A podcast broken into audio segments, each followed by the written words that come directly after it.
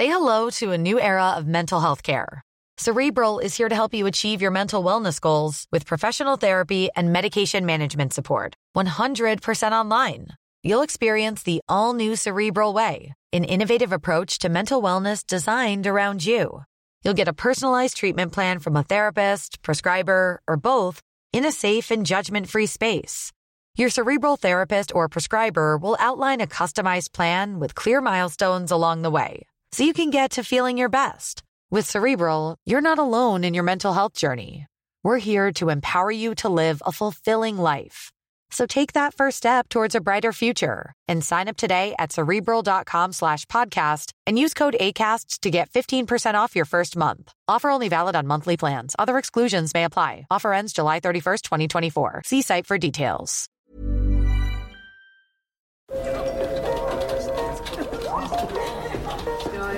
Dette er lyden av norsk næringsliv. Akkurat nå tas det små og store valg som kan bli avgjørende for fremtiden. Med økonomisystemet X-Leger tas disse beslutningene basert på informasjon i sanntid, slik at drømmer og ambisjoner kan bli virkelighet. Få kontroll og oversikt. Gå inn på xledger.no. Denne sendingen er sponset av Xleger.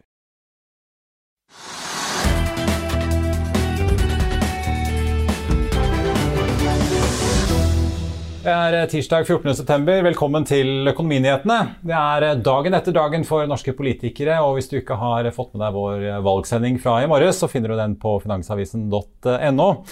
Nå skal vi nemlig snakke om markedet, som i hvert fall på Oslo Børs ser ut til å være svakt opp like over null i dag, og det kan kanskje stanse det fem dager lange fallet som vi har hatt så langt. På vinnerlisten er, eller vinnerlisten er relativt oljetung med både DNO, Aker BP og Aker Solutions. Og så ser vi også at Lundin og Equinor stiger i dag. I tillegg på vinnerlisten finner vi også Nell og Rex Silicon. På taperlisten finner vi selskaper som Tomra, Bonheur, Skipsted og Golden Ocean. Men vi begynner med dagens gjest, en hva får vi si, utvandret nordmann som er på besøk i hjemlandet i anledning Pareto-konferansen denne uken. Morten Astrup, velkommen til oss. Takk. Kanskje jeg bare skal begynne med det. Valget. Nå som du, du ser, ser, Norge litt fra utsiden, har du noen sånne refleksjoner når du ser resultatet?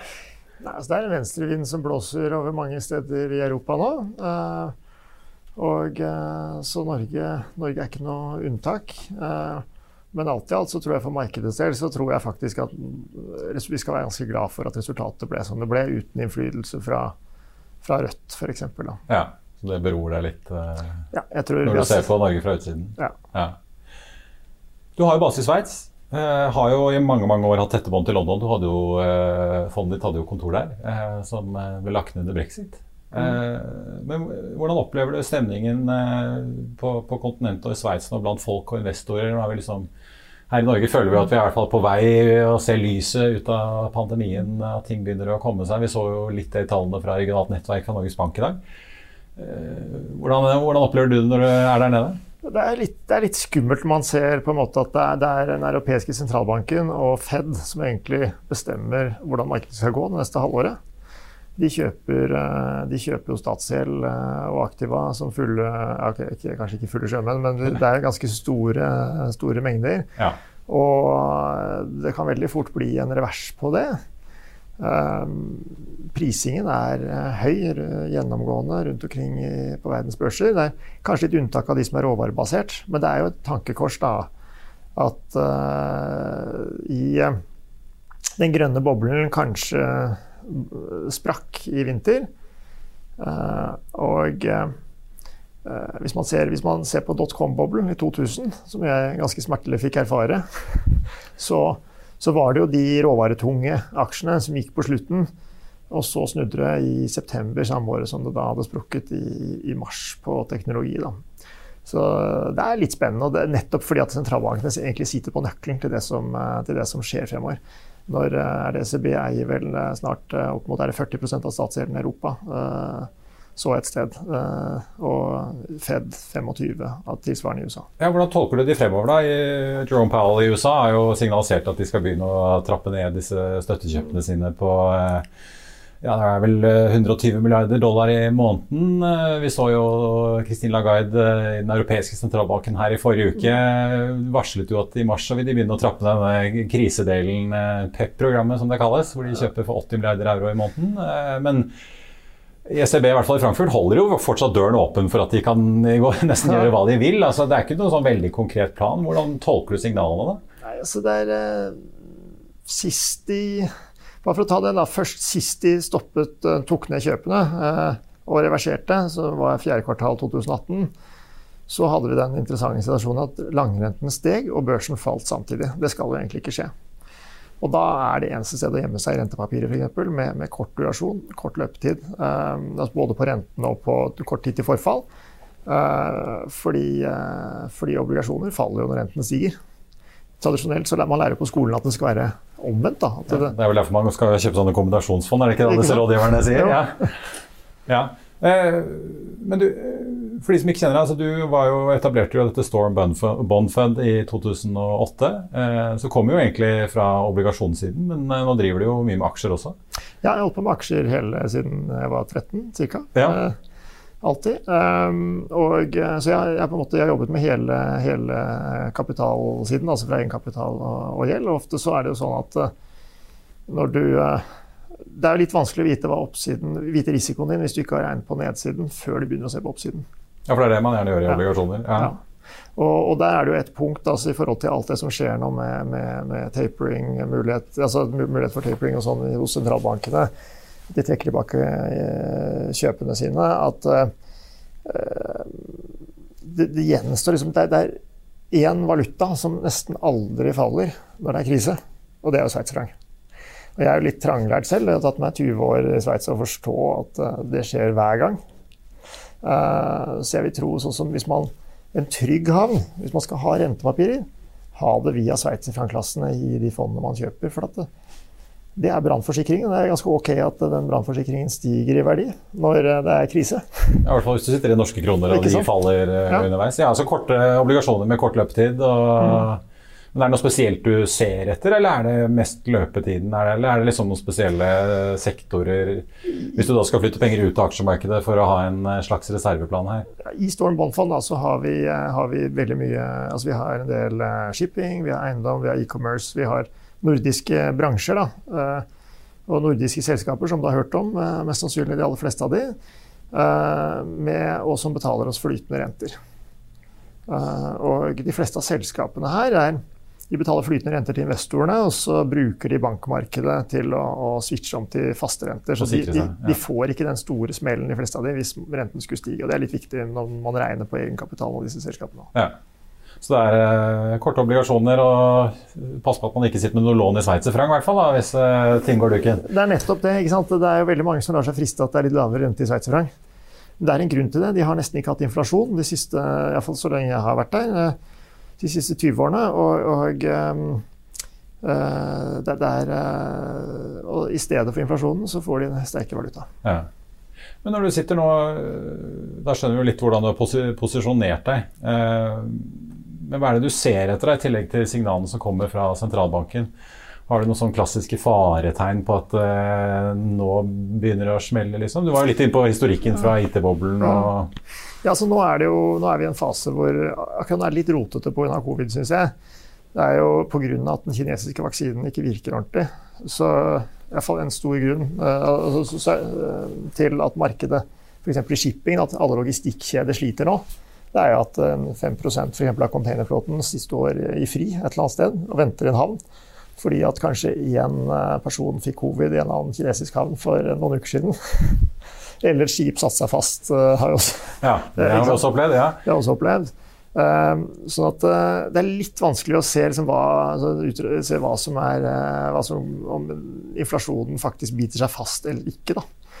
Eh, men, men, det er i hvert fall sånn at eh, veldig ofte så det, det, det er umulig å ikke få inflasjon i uh, varer, varer, og til slutt også sikkert tjenester, da, når, når, det er så dyrt å frakte ting som det er nå. Ja. Vi ser jo, eh, nå kom jo regionalt nettverk eh, fra Norges Bank i dag. viste jo bra trøkk i norske bedrifter. Mm. Mangel på arbeidskraft til og med. Vi så veksttallene fra eurosonen var jo mm. også altså, kraftigere vekst der enn i Norge. Nå har jo de hatt en, en god bunn. Altså, de kommer jo fra et lavt punkt. Det virker jo også som det begynner å ta seg opp i USA at det er mm. mangel på arbeidskraft mange steder. Ja, det er mangel på Så det virker jo som liksom, økonomien på bakken egentlig går ganske bra nå, ja. halvannet år etter at pandemien traff. Ja, og det er det som er sykelen. ikke sant? Så du får da mangel på arbeidskraft, så får du høyere, høyere priser på arbeidskraft, som skaper inflasjon. Og så har du, har du dyrere varer, som skaper eh, nei, som, altså dyr, høyere rate på shipping, som igjen skaper dyrere varer, som igjen skaper inflasjon og lavere etterspørsel. Og det er jo sykelen. Så ja. det er jo derfor shipping eh, og, og råvareshipping ofte, det går ofte på slutten av sykelen. Ja. Eh, så at, at, det en, at, det er det man skal satse på nå, det, det, det tror jeg hvis man skal ha det, man eier lån nå, tror jeg bør være uh, ja, norske, Mange av de norske bransjene, det er shipping, det er oljeservice, uh, kommer jo tilbake. Og, og uh, mange bankaksjer tjener på høyere renter. Ja. Det er litt sånn syklisk aksje, egentlig. Ja. ja. Hvis du går liksom se på aksjefronten, da. Du, er jo, eh, du var intervjuet hos oss tidligere år og snakket om eh, aksjer man kunne plukke opp i skadeskutte sektorer. Mm. Hvordan har den betten gått? Det har gått helt vanvittig bra, egentlig. Eh, nå hadde i hvert fall altså container, ja. spesielt containerbetten min. Um, og, og For det har jo vært helt kaos. Også Mersk og alle disse melder om rater og etterspørsler som er helt uten sidestykke, virker det som? Ja, altså i forhold til de verdiene man så i, bare i februar i år på mange shippingsegmenter, så tjener du inn verdien av de skipene på, på et kvartal, da, i praksis. Det minner litt om eh, rigg i 2010-2012, ja, kanskje? Ja.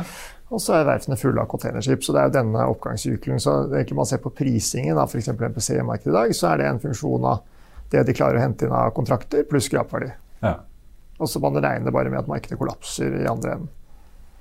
Men forskjellen på container og, og mange andre shippingsegmenter er at der klarer du faktisk å tegne tre-, og fire- og femårskontrakter nå. Uh, jo større skipet er, jo lengre kontrakter får du. Og det er klart, da, da, er det kanskje ikke sånn at dagens aksjekurser er så gærne. Men det er ikke nødvendigvis sånn at det er så enorm oppside heller når, er, når ordreboken er, har eksplodert. Da. På de store skipene har ordreboken eksplodert, og på de små har de ikke gjort det. Men det er det er jo litt sånn at nå mange av de små skipene tar ruter som de, kanskje de store ellers ville tatt. Ja. Og det forsvinner jo når, de store, når det blir mer skip eh, på markedet. Men altså, du, både, du, sitter både i container feed, ja. som er hva blir det, et slags sånn segment under de store containerskipene, ja. og du sitter i tank. Ja. Nå så vi jo månedsrapporten fra Det internasjonale energibyrået i dag også. Det virker som det er full gass i oljeetterspørselen igjen. Eh, ja. Hvor lenge tror du det holder dette her eh, voldsomme suget, da? Jeg tror olje, oljefrakt eh, er litt sånn kinderegg akkurat nå. For nå er ordreboken rekorder av. Og dette markedet, for hver dag de gamle skipene får negative ratter, så øker sjansen, og det er høye stålpriser, så øker sjansen for at det blir litt vel fristende å, å skrape tankskip. Så det at det tar litt lengre tid å komme ut av koronapandemien enn ventet, egentlig gjør at eh, når markedet først kommer tilbake, så kommer det sannsynligvis mye mye hardere enn det man hadde trodd. Ja. Du er jo eh, også, Vi snakket jo for ikke så lenge siden her i sendingen om uh, flybransjen. Mm. Du sitter i Norse. Ja. Selskapet til Bjørn Tore Larsen som skal satse på å plukke opp hanskene etter Norwegians langdistansesatsing. Hvorfor mm. det? det er, uh, vi har jo et restrukturert Norwegian på børsen nå. Vi har uh, nykommeren Flyr. Vi har uh, SAS mm. som er ganske nedsyltet i gjeld, og kanskje vi trenger mer hjelp fra Sverige og Danmark. Vi får se. men, men Norse, hvorfor valgte du akkurat det med tanke på at det er jo ja, Vi får jo se om forretningsmodellen deres fungerer. Og så er det jo mange konkurrenter der ute blant store amerikanske og europeiske selskap. Det er mange store konkurrenter. og Det er litt interessant når man ser på flyselskapene totalt sett. Så Norwegian gikk vel inn i pandemien med en reell gjeld som var over 100 milliarder, vil jeg tro. Eh, nå har de en nettogjeld på 1,5 milliarder og 7 milliarder i cash. Det er jo veldig bra. SAS derimot har høyere gjeld enn det de hadde da de gikk inn i pandemien. 28 eh, milliarder eller noe sånt nå. Eh, så har de vel 3 milliarder i kontanter, så vidt jeg husker. Mens Norse de har jo da de hentet jo litt over en, de hentet rundt en milliard kroner. Og så har de, de, de behøver jo ikke starte opp et eneste fly før 1.1.2023. Eh, og etter det så har de, har de, betaler de 25, neste år betaler de 25% av det Norwegian gjorde for de samme flyene, minimum. Og så har de vel åtte-ti år hvor de betaler halvparten så mye. Ja, De har såkalt power by the hour. altså De betaler leasingselskapet kun når flyet er i bruk. Ja. Det er helt utrolig, og det har aldri vært mulig å starte et flyselskap på den måten før. Flyr har jo også en del sånne avtaler, men, men de flyr vinge mot vinge på, mot SAS og Norwegian. og det øh, med mindre de snur opp ned på konseptet sitt og velger å bli et charterselskap f.eks., så tror jeg de, de, kommer til å bukke under. Ja, du tror det?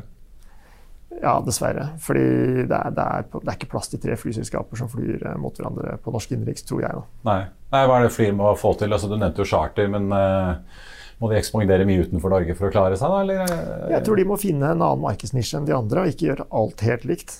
For at det er det de gjør nå. Det At det blir for likt Norwegian, rett og slett? Ja. For likt Norwegian, så er de svakere enn Norwegian, og da, da, da, da, blir de spist opp til slutt, tror jeg. På en eller annen måte. Dessverre. Men apropos det, da. Norse. Eh, du tror ikke at American Airlines og British Airways og alle de andre som eh, de har jo business class foran og kan jo selge unna økonomibillettene bak ganske billig hvis de må. Eh, tror du de liksom vil sitte og se på at Norse får bredde seg ut og ta noen posisjon? Ja, men Norse har en posisjon med lavere kostnader enn de aller fleste av disse i de neste tiårene. Og det tror jeg Bjørn Tore Larsen har vist at han kan business, eh, at han mener business på andre, andre områder. Og det er jeg helt sikker på at han får til her òg. Og det som er en, en, en, fordel hvis man ser bare på aksjemarkedet, det er at det kommer jo ikke noen dårlige nyheter i Norse nå frem mot jul, for uh, de skal ikke begynne å fly før i april 2022. Ja, Kanskje sommeren er de til og med åpne for? Ja, hvis det drøyer. Uh, og at de, de, starter da godt planlagt inn i sommerhalvåret, det er veldig bra for, uh, for, for selskapet. Man skal jo starte om sommeren helst, da. Men apropos ja, koronapandemien, Norse har utsatt oppstarten pga. det. Forbereder du deg på at det kan komme en rekyl i dette viruset, oppblomstring igjen? Eller tror du liksom at eh, det vi har lagt bak oss nå, har vært liksom den verste bøygen? Jeg tror fort det kan bli akkurat som i fjor, bare litt, ikke så ille kanskje, forhåpentligvis. Eh, for det er fortsatt mange som ikke er vaksinert rundt omkring i Europa. I Sveits er tallet 50% nå. Og de blir å piske folk inn i vaksinerommene med å og det har blitt vaksinesertifikat obligatorisk mange steder og sånn. Ja, men, men, eh, men, det er selvfølgelig en kjempe, kjempetrussel hvis sykehusene begynner å bli presset igjen. Og i oktober i fjor så, så uh, tidoblet vel antall mennesker på sykehuset i Sveits f.eks. Så da måtte du gjøre noe. Ja. Uh, forhåpentligvis ikke så ille i år. Hvis det skjer, så blir jo containermarkedet i hvert fall ikke noe mindre svakt. det blir vel, vel så mye netthandel videre også? Ja. ja. ja. Men er det noe andre Hvis man vil forberede seg på det, da, at vi kan få en, en, et tilbakefall her, hva bør man sitte i da? Da tror jeg man må i hvert fall sitte i selskaper som tåler å, å gå gjennom en vinter som ikke er spesielt spennende. Og da må man jo sitte i f.eks. tankaksjer hvis man tror på tankaksjer fordi at pandemien snart er over. Så må man sitte i tankaksjer som overlever vinteren. Ja, Som har litt uh, kontanter ja. på bok. Og det tror jeg sånne som Hunter vil, vil gjøre. Uh, med, som har nye skip, som klarer å dra ut uh, De skraper vel nesten break-even på de ratene de klarer å få ut nå. Ja. Uh, mens har du gamle, gamle, skip, så det slår veldig mye hardere ut av gamle skip når um, når ratene er dårlige, enn når de er gode. Og når de er gode, så er det forskjellen på 180 og 200 000 dollar dagen er jo ikke så veldig høy. Nei. Til slutt, du sitter jo eh, i tillegg til å sitte i Hunter Group og Containerfeed og mye forskjellig, og Norse, så sitter du også investert i eiendom ja. Gjennom et selskap som heter bl.a. KMC. Ja. Hva tror du selv, da? Apropos pandemi. Tror du liksom kontormarkedet altså, En ting er åpenbar logistikk og mm. lagerbygg som ligger litt sånn eh, smart plassert langs motorveier og sånn. Ja. Vil vel være attraktive mer uten pandemien. Men eh, hva tror du om sånn kontorbygninger og sånn? Vil etterspørselen endre seg hvis uh, folk blir jobbende mer hjemme, eller er det en litt sånn overhypet forventning? Det er vel litt sånn forskjell fra firma til firma, men sånn det ser ut som for meg, er at cellekontoret blir mer vanlige. Samtidig som det er vanlig å ha litt mer eh, hjemmekontor enn før. Eh, og det skulle vel resultere i omtrent, det samme areal, den, omtrent den samme arealbruken, vil jeg tro. Så, men som du sier, eh, det å eie aksjer i noe, et selskap som har bare eiendommer som er avhengig av f.eks. matforsyning, at, at, folk spiser middag hver dag, eller, eller i KMC-tilfellet det er jo byggmaterial, byggisolasjon og og f.eks. foam som går inn i alle Volvoene som går ut av Trollhättan, det forsvinner ikke om pandemien fortsetter. Nei. Vi skal fortsette. Ja, vi har jo vist at vi pusser opp og kjøper bil og stort sett hele tiden. Morten Astrup, tusen takk for at eh, du kom til oss. Og så får vi si eh, fortsatt godt opphold eh, hjemme i Mm. Norge. Takk skal du ha. Vi skal over til Elon Musk, for det er ikke bare norske elbilkjøpere som kaster seg over Tesla-gründeren. Det gjør også Ron Barron, sjef og porteføljeforvalter i Barron Capital. Her forklarer han hvorfor han vedder på Elon Musk, Tesla og SpaceX i en diskusjon med David Rumerstein. Ron, you are a big believer in Tesla and a big believer in SpaceX. Before everybody else went along with that route, that they were great companies, what did you see in Tesla early on, and what do you see in SpaceX now? Uh, in Tesla early on, I thought the opportunity was to convert the cars that we make in the United States and the world uh, from gasoline uh, to electric. And that hadn't been accomplished ever before, and I was betting on Elon Musk. And uh, uh, so far, and most people bet against them. Uh, we invested you know, $380 million in between 2014 and 2016 after thinking that we shouldn't invest in it and was 1.5% of our assets at the time. And uh, we made $4 billion in profit in so far, and I think we're going to make another triple, uh, maybe four times over the next 10 years. What about SpaceX? Is SpaceX the same as Tesla? Uh, it's the same idea where you're disrupting an industry that is a cost plus industry. So all of the aerospace companies uh, don't do research and they didn't want to innovate. And the reason they didn't is because they had a business that was producing rockets and they felt if they could use a rocket over and over again, uh, they why would they make uh, you know there wouldn't be a demand for fewer rockets. And so as a result of that, uh, there was no innovation, and uh, they, what they would do is they would subcontract out the work that they did on these rockets, so they would become more and more and more expensive, uh, and the government would just pay it. So Elon comes along and he says, "I got a cheap way to get to space, and the cheap way is by using the rockets over and over and over again." And everyone else said that was impossible to accomplish. Uh, and as a result of that, um, no one did it, and our man did. And this is a real big cash flowing business. He expects to have 40,000 satellites. It was cheap satellites. Everyone else would uh, send up satellites and be very, very expensive. When you can use the rocket over and over again, uh, then it's inexpensive to get it. Uh, your launch is inexpensive, and that gives you a chance to put up a lot of satellites and uh, uh, uh, serve need for humanity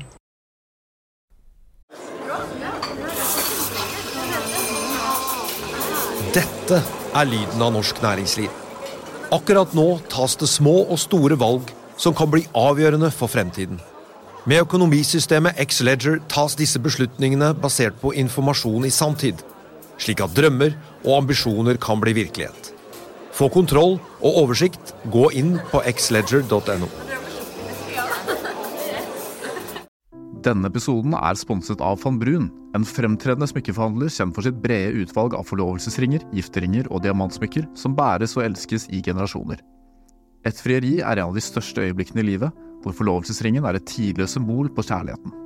Valg av ring krever omtanke for både hvilket metall og diamant, med et bredt spekter av både naturlige og labdyrkede diamanter, og metaller som platina, gult gull, hvitt gull og roségull, hjelper de deg med å sette et personlig preg på din kjærlighetshistorie.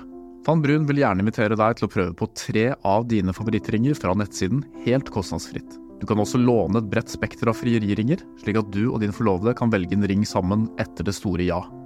Van Brun tilbyr 90 dagers åpent kjøp og 90 dagers gratis størrelsesjustering. Utforsk deres eksklusive sortiment i luksuriøse omgivelser. Bok en konsultasjon sammen med en diamantekspert i deres showroom i Oslo. Eller online på vanbrun.com. V-a-n-b-r-u-u-n.com. I dag kom eh, det regionale nettverket til eh, Norges eh, Bank, og den viser at aktiviteten har økt mye i norske bedrifter de siste månedene. Produksjonen er tilbake og mange steder også høyere enn det den var før pandemien traff oss. Men det er også ifølge Norges Bank flere flaskehalser i norsk økonomi nå. Det er flere som melder om knapphet på råvarer, utfordring med logistikk og ikke minst mangel på arbeidskraft, som vi har hørt flere snakke om nå en god periode. Det er jo som sagt ventet at Norges Bank vil skru opp renten på rentemøtet neste torsdag. og Frank Ullum, sjeføkonom i Danske Bank, sier til FA i dag at han faktisk venter en raskere renteheving enn det Norges Bank har lagt opp til. I dag fikk vi også den månedlige rapporten fra Det internasjonale energibyrået. De melder om at et eh, lavere koronatrykk i Asia vil løfte etterspørselen etter olje og gass kraftig i oktober. Eh, de høyner også 2022-prognosene sine og venter nå en oljeetterspørsel neste år på 99,39 millioner fat per dag. Det er opp 80 000. I år regner de med 96,15 millioner fat, som er eh, drøye 5 millioner fat opp fra i fjor. Oppdrettsselskapet Bakkafrost varsler store investeringer og økt lakseproduksjon på sin kapitalmarkedsdag, som blir, blir avholdt denne uken. Selskapet vil ha et investeringsprogram på 6,2 milliarder danske kroner mellom 2022 og 2026. Det tilsvarer eh, drøyt 8,5 milliarder norske kroner etter dagens kurs.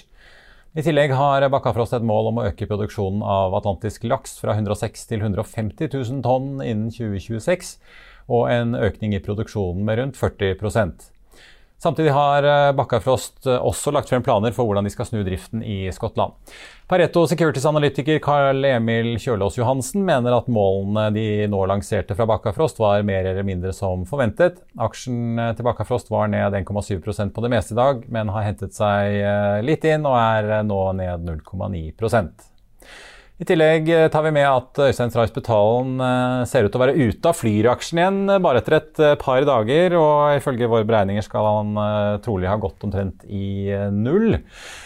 For øvrig så ser vi at flyselskapet er Flyselskapet Norse, som vi snakket om tidligere med Morten Astrup, er ned litt over 5 i dag.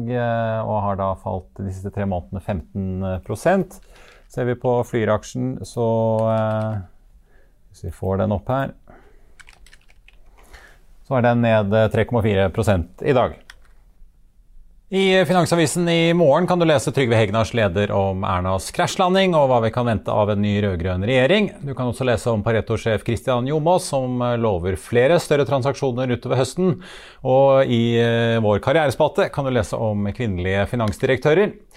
Før vi går, tenkte jeg bare å oppdatere dere på hovedindeksen, som eh, har mistet litt fart, men uh, ligger opp 0,09% helt på tampen. I tillegg ser vi at eh, BV LPG har kommet inn på vinnerlisten. Vi har også fått børsmelding fra Pyrum Innovation, et tysk gjenvinningsselskap som varsler at de vil hente penger i markedet og søke en børsnotering på Aronext Growth.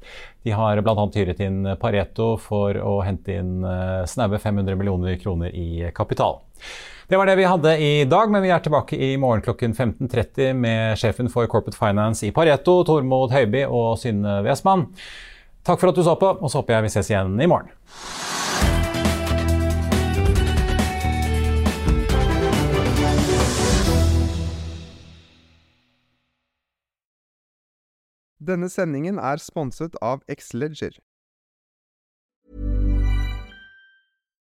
Botox Cosmetic, out of botulinum toxin A, FDA approved for over 20 years. So, talk to your specialist to see if Botox Cosmetic is right for you. For full prescribing information, including boxed warning, visit BotoxCosmetic.com or call 877-351-0300. Remember to ask for Botox Cosmetic by name. To see for yourself and learn more, visit BotoxCosmetic.com. That's BotoxCosmetic.com. Don't you love an extra $100 in your pocket? Have a TurboTax expert file your taxes for you by March 31st to get $100 back instantly. Because no matter what moves you made last year, TurboTax makes them count. That means getting $100 back and 100% accurate taxes only from Intuit TurboTax. Must file by 331. Credit only applicable to federal filing fees with TurboTax full service. Offer can be modified or terminated at any time.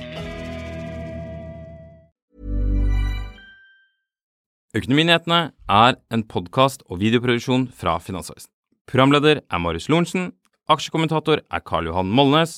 Produsent er Bashar Johar. Podkast- og videoansvarlig er Marius Mørk Larsen. Og ansvarlig redaktør er Trygve Hegnar.